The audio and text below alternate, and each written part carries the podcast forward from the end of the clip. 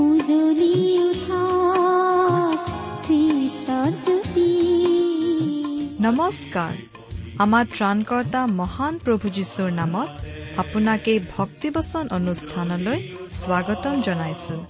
এয়া মুকলি কৰিছো ঈশ্বৰৰ জীৱিত বাক্যৰ ধাৰাবাহিক অনুষ্ঠান ভক্তিবচন। মুখৰিত কৰি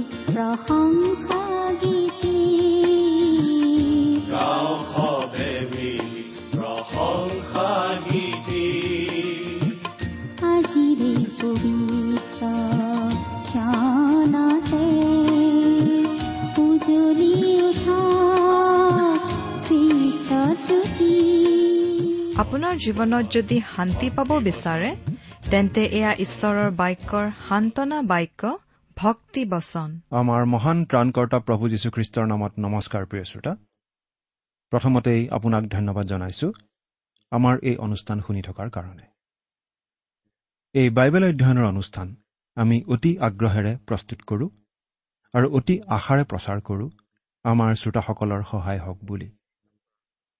যদিও এই কাম কৰাৰ বাবে আমি নিজকে উপযুক্ত বুলি নাভাবোঁ কিন্তু আমাৰ মহান প্ৰভু যীশুখ্ৰীষ্টৰ বাণী প্ৰকাশ কৰাৰ যি দায়িত্ব সেই দায়িত্বৰ প্ৰতি সঁহাৰি দিবলৈ চেষ্টা কৰিয়েই আমি আজিলৈকে এই কাম কৰি আহিছোঁ।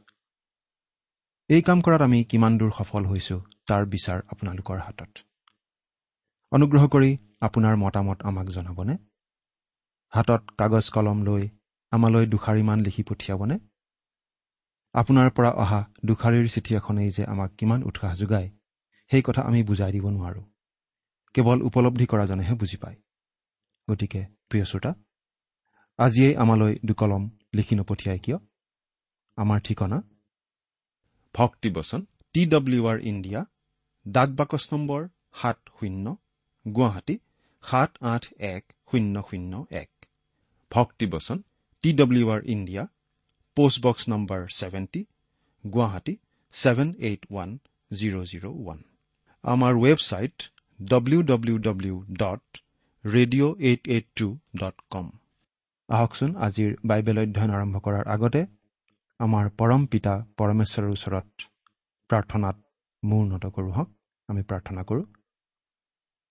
স্বৰ্গত থকা আমাৰ অসীম দয়ালু পিতৃ ঈশ্বৰ তোমাক ধন্যবাদ জনাওঁ কাৰণ তুমি আমাক আকৌ এটা নতুন দিন দেখিবলৈ দিলা আৰু আকৌ এবাৰ তোমাৰ বাক্য অধ্যয়ন কৰিবলৈ এই সুযোগ দিলা। প্ৰভু তোমাক অশেষ ধন্যবাদ। কিয়নো তোমাৰ প্ৰেম তোমাৰ কৰোণা অনুগ্ৰহ আৰু দয়া আমাৰ জীৱনত প্ৰকাশ কৰি আহিছা।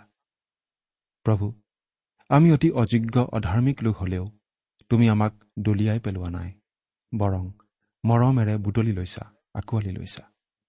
তোমাৰ একমাত্ৰ পুত্ৰ যীশুখ্ৰীষ্টৰ যোগেদি আমালৈ অনন্ত জীৱনৰ অমূল্য দান বিনামূল্যে আগবঢ়াইছা। এতিয়া প্ৰভু তোমাৰ বাক্য অধ্যয়ন কৰি বুজি পাবলৈ তুমি আমাক সহায় কৰা।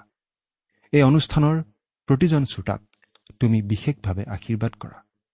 তেওঁলোকৰ প্ৰতিজনক তোমাৰ স্পষ্ট মাত শুনিবলৈ দিয়া।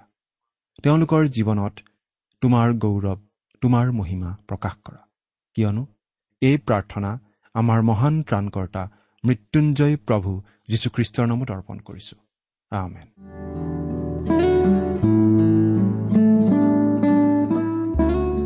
প্ৰিয় শ্ৰোতা আমি আজি কিছুদিন ধৰি বাইবেলৰ নতুন নিয়ম খণ্ডৰ পিতৰৰ প্ৰথম পত্ৰ বা চমুকৈ প্ৰথম পিতৰ নামৰ পুস্তকখন অধ্যয়ন কৰি আছো। নহয়নে বাৰু? আপুনি বাৰু আমাৰ আগৰ অনুষ্ঠানটো শুনিছিল নে? যদি শুনিছিল তেন্তে আপোনাৰ নিশ্চয় মনত আছে যে যোৱা অনুষ্ঠানত আমি এই প্ৰথম পিতৰ পুস্তকখনৰ দুই নম্বৰ অধ্যায়ৰ অধ্যয়ন আৰম্ভ কৰিছিলোঁ। আমি অৱশ্যে দুই নম্বৰ অধ্যায়ৰ পাঁচ নম্বৰ পদলৈকেহে আমাৰ আলোচনা আগবঢ়াইছিলোঁ। আজিৰ অনুষ্ঠানত আমি এই প্ৰথম পিতৰ পুস্তকৰ দুই নম্বৰ অধ্যায়ৰ পাঁচ নম্বৰ পদৰ পৰাই আমাৰ আলোচনা আৰম্ভ কৰিম। আপোনাৰ বাইবেলখন মেলি লৈছেনে বাৰু?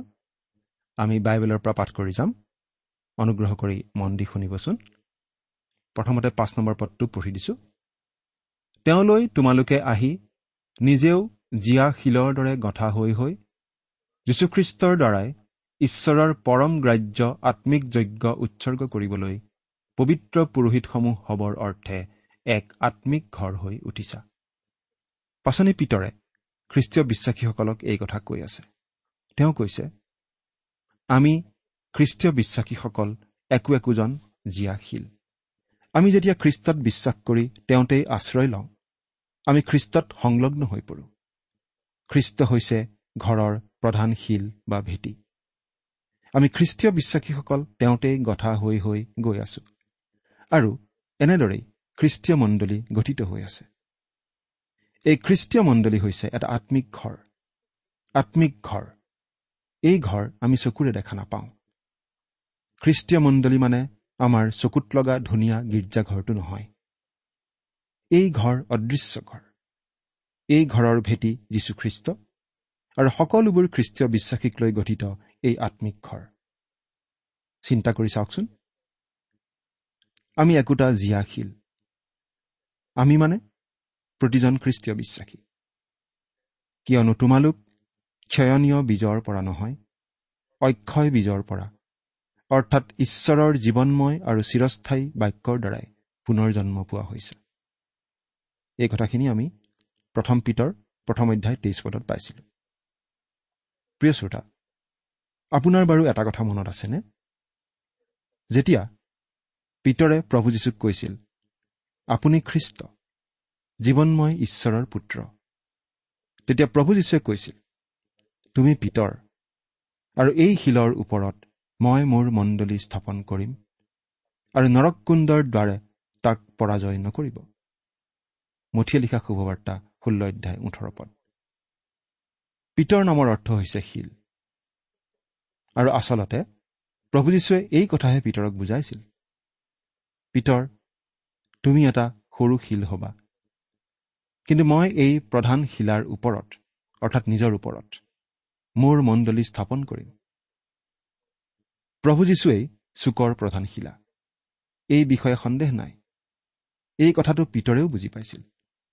সেইবাবেই ইয়াত পিতৰে এনেদৰে লিখিছে তোমালোকে আহি নিজেও জীয়া শিলৰ দৰে গঠা হৈ হৈ এক আত্মিক ঘৰ হৈ উঠিছা।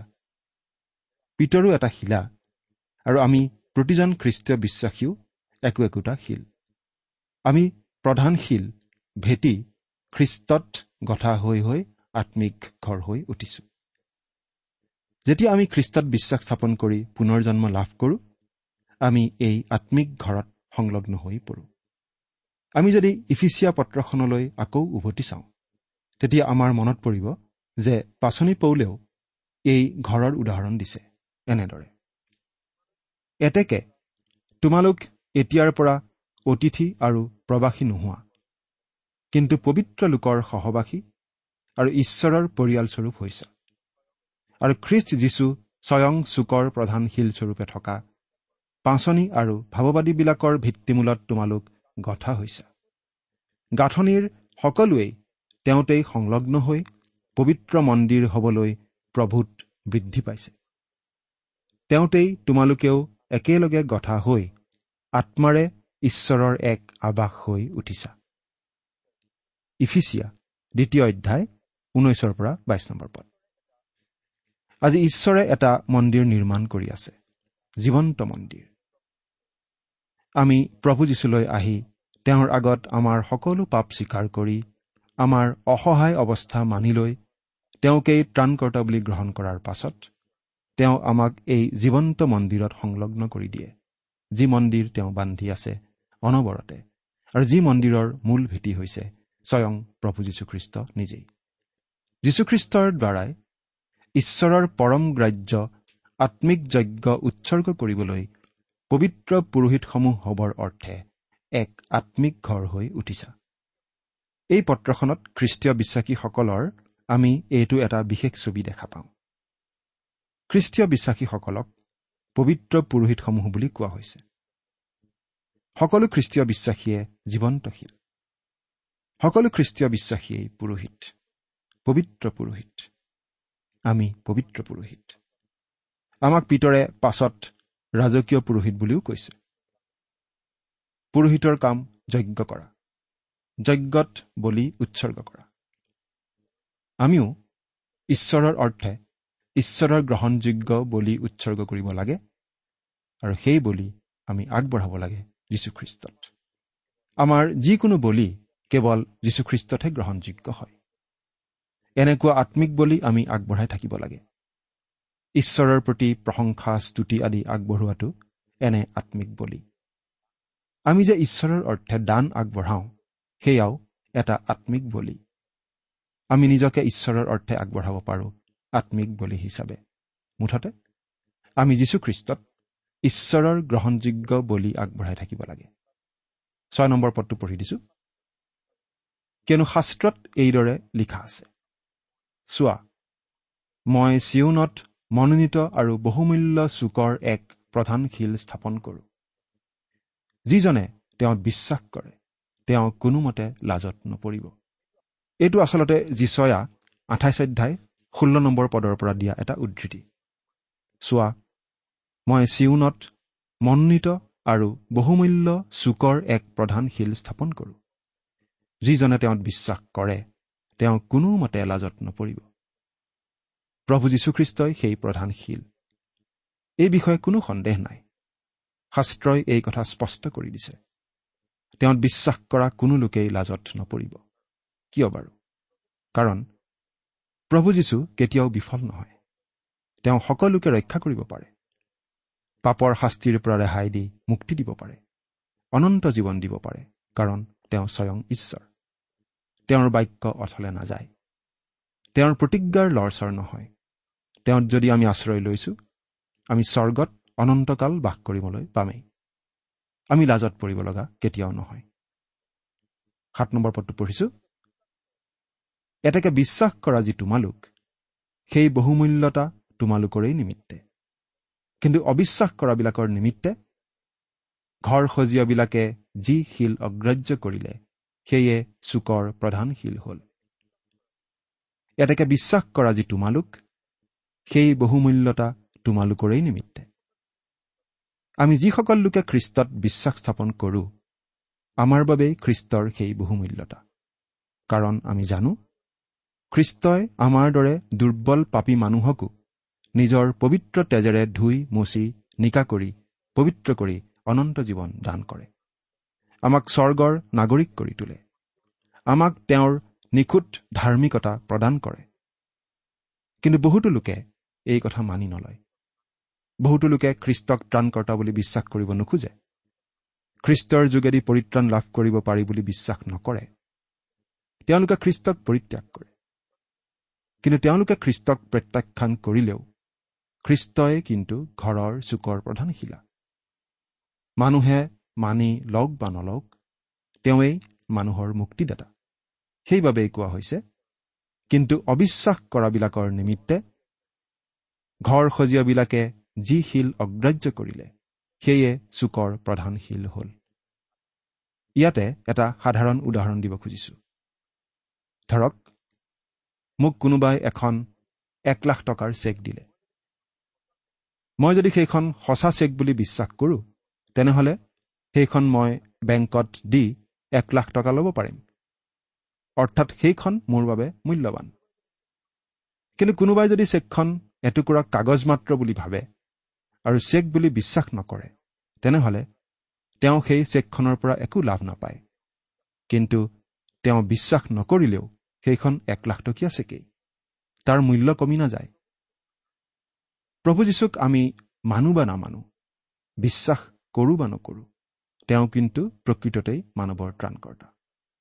তেওঁত বিশ্বাস কৰা প্ৰতিজন লোককেই মুক্তি দিব পৰা ক্ষমতা তেওঁৰ আছে। আপুনি বাৰু প্ৰভু যীশুক গ্ৰহণ কৰিছেনে?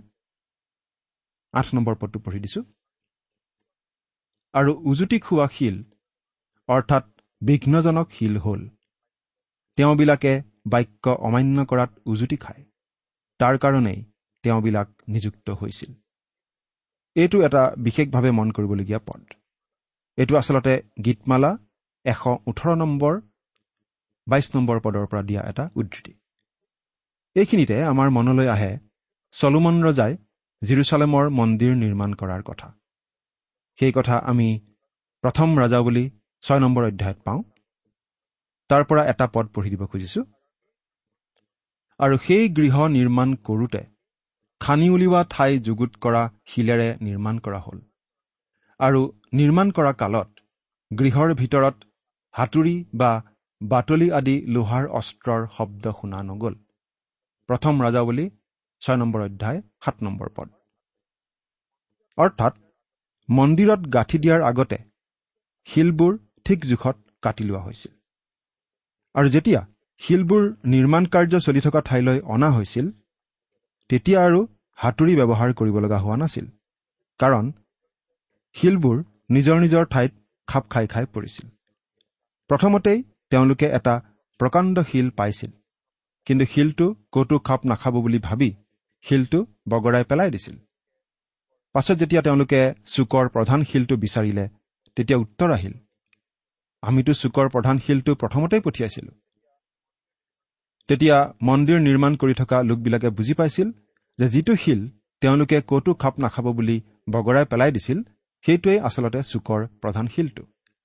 সেই শিলটো বিচাৰি অনা হ'ল আৰু ঘৰৰ চুকত খাপ খাই পৰিল। এই কথাখিনি কিম্বদন্তীহে। কিন্তু এই কথাখিনি যদি সঁচা তেন্তে এই পদটোৰ অৰ্থ আমি ইয়াতেই পাওঁ। নিৰ্মাণকৰ্তাসকলে প্ৰত্যাখ্যান কৰা শিলটোৱেই ঘৰৰ চুকৰ প্ৰধান শিল হ'ল। আৰু সেই শিলটোৱে বুজায় যীশুখ্ৰীষ্টক। প্ৰভু যীশু যেতিয়া এই জগতলৈ আহিছিল মানুহে তেওঁক প্ৰত্যাখ্যান কৰিছিল। তেওঁ নিজৰ আধিপত্যলৈ আহিল কিন্তু তেওঁৰ নিজৰ লোকে তেওঁক গ্ৰহণ নকৰিলে। জোহন প্ৰথম অধ্যায় এঘাৰ নম্বৰ পদ। আনকি আজিও এই জগতে খ্ৰীষ্টক প্ৰত্যাখ্যান কৰি আহিছে। কিন্তু খ্ৰীষ্টই চুকৰ প্ৰধানশীল। তেওঁৱেই মানৱৰ প্ৰকৃত ত্ৰাণকৰ্তা।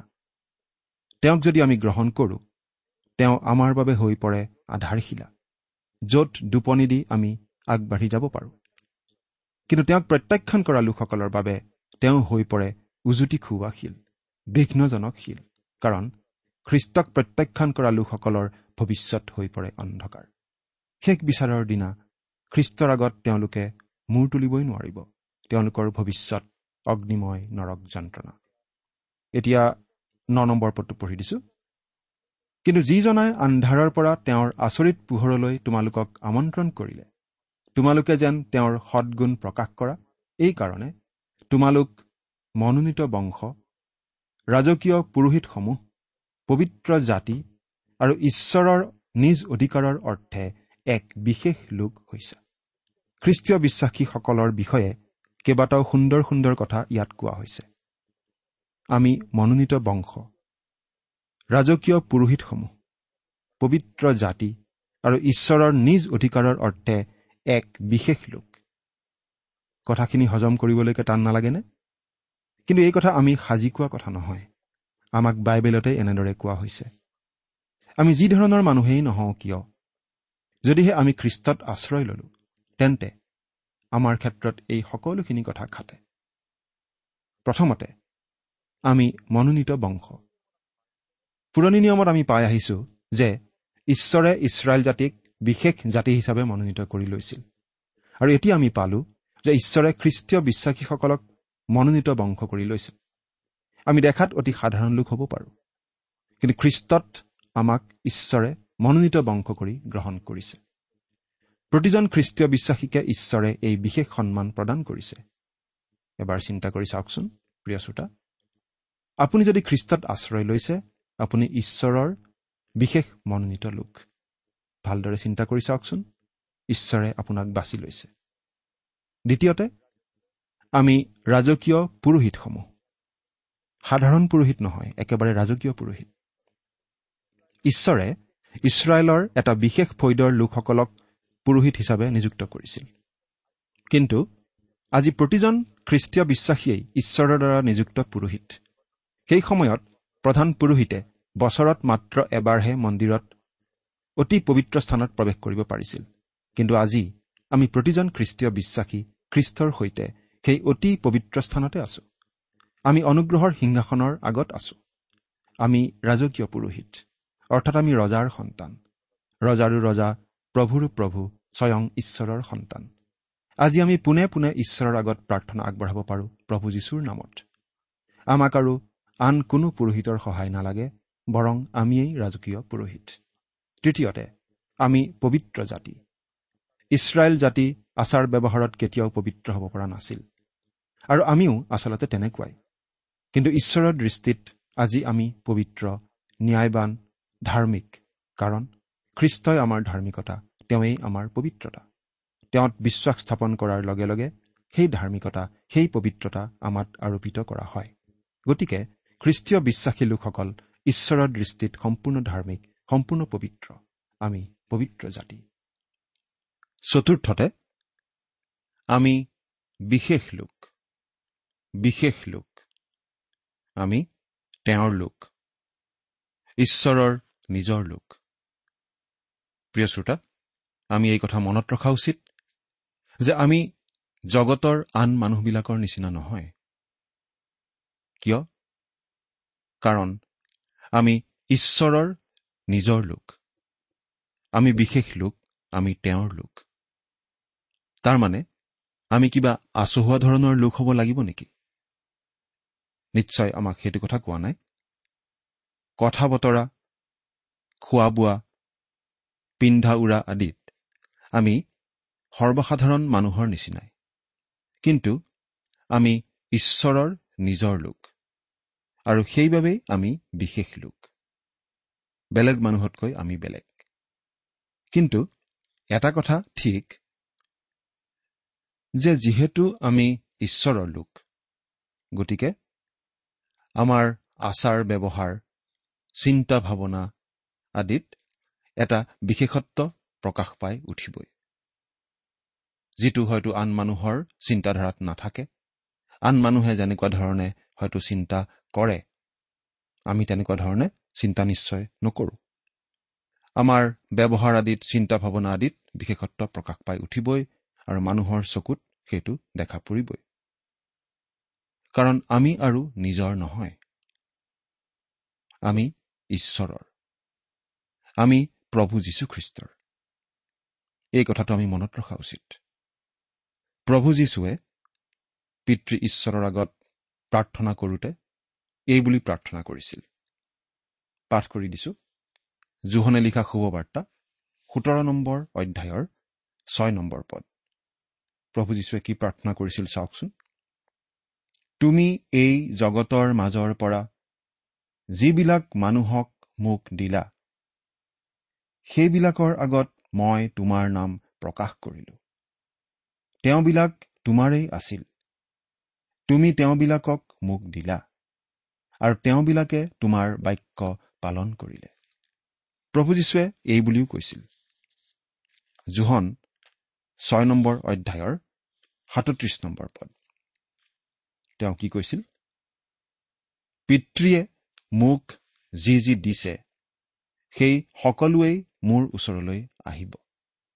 আৰু মোৰ ওচৰলৈ অহাজনক মই কোনোমতে বাহিৰ নকৰিম। ভাবি চাওকচোন পিতৃ ঈশ্বৰে আমাক খ্ৰীষ্টৰ হাতত গতাই দিছে। আমি খ্ৰীষ্টৰ। প্ৰিয় শ্ৰোতা ঈশ্বৰে নিজৰ লোকক আজিও মাতি আছে। আপুনি বাৰু তেওঁৰ মাত শুনি তেওঁৰ মাতলৈ সঁহাৰি দি খ্ৰীষ্টক আপোনাৰ নিজৰ ত্ৰাণকৰ্তা বুলি গ্ৰহণ কৰিছেনে? যদিহে কৰিছে তেতিয়াহ'লে আপুনি বিশেষ লোক। আপুনি খ্ৰীষ্টৰ আপুনি ঈশ্বৰৰ। এতিয়া দহ নম্বৰ পদটো পঢ়ি দিম। প্ৰথম পিতৰ দুই নম্বৰ অধ্যায়ৰ দহ নম্বৰ পদ। আগেয়ে তোমালোক প্ৰজা নাছিলা কিন্তু এতিয়া ঈশ্বৰৰ প্ৰজা হলা।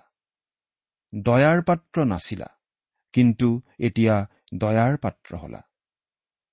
কেনে সুন্দৰ কথা? এই কথাখিনি পাচনি পিতৰে খ্ৰীষ্টীয় বিশ্বাসী যিহুদী লোকসকললৈ লিখি আছে। তেওঁ এই কথা কৈছে যে আগতে তেওঁলোক ঈশ্বৰৰ প্ৰজা নাছিল কিন্তু খ্ৰীষ্টক গ্ৰহণ কৰাৰ পাছত তেওঁলোক ঈশ্বৰৰ প্ৰজা হ'ল। আগতে তেওঁলোক দয়াৰ পাত্ৰ নাছিল কিন্তু এতিয়া তেওঁলোকে ঈশ্বৰৰ দয়া গ্ৰহণ কৰিলে। আমি জানো ইছৰাইল জাতি ঈশ্বৰৰ মনোনীত জাতি। তথাপি তেওঁলোকক এনেদৰে কোৱা হৈছে খ্ৰীষ্টক গ্ৰহণ কৰিহে তেওঁলোক প্ৰকৃত অৰ্থত ঈশ্বৰৰ প্ৰজা হ'ল ঈশ্বৰৰ দয়াৰ পাত্ৰ হ'ল। কথাটো মন কৰিবলগীয়া। প্ৰিয় শ্ৰোতা খ্ৰীষ্টক গ্ৰহণ কৰি আমি কিমানবোৰ আশীৰ্বাদ লাভ কৰোঁ মন কৰকচোন। আমি অতি সাধাৰণ মানুহ ঈশ্বৰৰ দণ্ডৰহে পাত্ৰ। কিন্তু প্ৰভু যীশুখ্ৰীষ্টক ত্ৰাণকৰ্তা বুলি গ্ৰহণ কৰি আমি হৈ পৰোঁ ঈশ্বৰৰ প্ৰজা ঈশ্বৰৰ দয়াৰ পাত্ৰ। আমি হৈ পৰোঁ ঈশ্বৰৰ নিজৰ লোক ৰাজকীয় পুৰোহিত মনোনীত বংশ। আৰু কত কি? ইমানবোৰ কথা জানি বুজি আমি বাৰু ধন্যবাদ আৰু কৃতজ্ঞতাপূৰ্ণভাৱেৰে খ্ৰীষ্টক ত্ৰাণকৰ্তা বুলি গ্ৰহণ কৰি তেওঁতেই নিজক সমৰ্পণ কৰা উচিত নহয়নে? চিন্তা কৰি চাওকচোন। ঈশ্বৰে আপোনাক আশীৰ্বাদ কৰক। আমেন।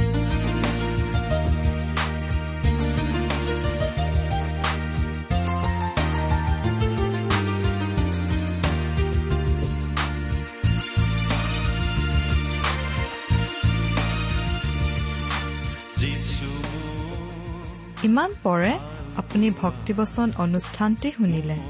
অনুষ্ঠানটি শুনি কেনে পালে? আমালৈ চিঠি লিখি জনাবচোন। অনুষ্ঠানত প্ৰচাৰ কৰা কোনো কথা বুজিব লগা থাকিলেও আমালৈ লিখক। আমাৰ ঠিকনা ভক্তিবচন টি ডাব্লিউ আৰ ইণ্ডিয়া ডাক পাকচ নম্বৰ সাত শূন্য গুৱাহাটী সাত আঠ এক শূন্য শূন্য এক। ঠিকনাটো আৰু এবাৰ কৈছো ভক্তিবচন টি ডাব্লিউ আৰ ইণ্ডিয়া ডাক পাকচ নম্বৰ সাত শূন্য গুৱাহাটী সাত আঠ এক শূন্য শূন্য এক। আপুনি ইমেইল যোগেৰেও আমাৰ সৈতে যোগাযোগ কৰিব পাৰে। আমাৰ ইমেইল আইডিটো হৈছে Assamese T TV at radio' eight eight two dot com. আইডিটো আকৌ এবাৰ কৈছো। Assamese T TV at radio' eight eight two dot com. আপুনি টেলিফোনৰ মাধ্যমেৰেও আমাক যোগাযোগ কৰিব পাৰে। আমাৰ টেলিফোন নম্বৰটো হৈছে শূন্য তিনি ছয় এক দুই ছয় শূন্য চাৰি ছয় সাত এক। ফোন নম্বৰটো আকৌ এবাৰ কৈছো zero' three six one two six zero' four six seven one. আজিৰ অনুষ্ঠানটি ইমানতে সামৰিছো। ঈশ্বৰৰ শান্তি আৰু অনুগ্ৰহ আপোনাৰ লগত থাকক। ধন্যবাদ। বিচাৰি নাপায় তুমি আহি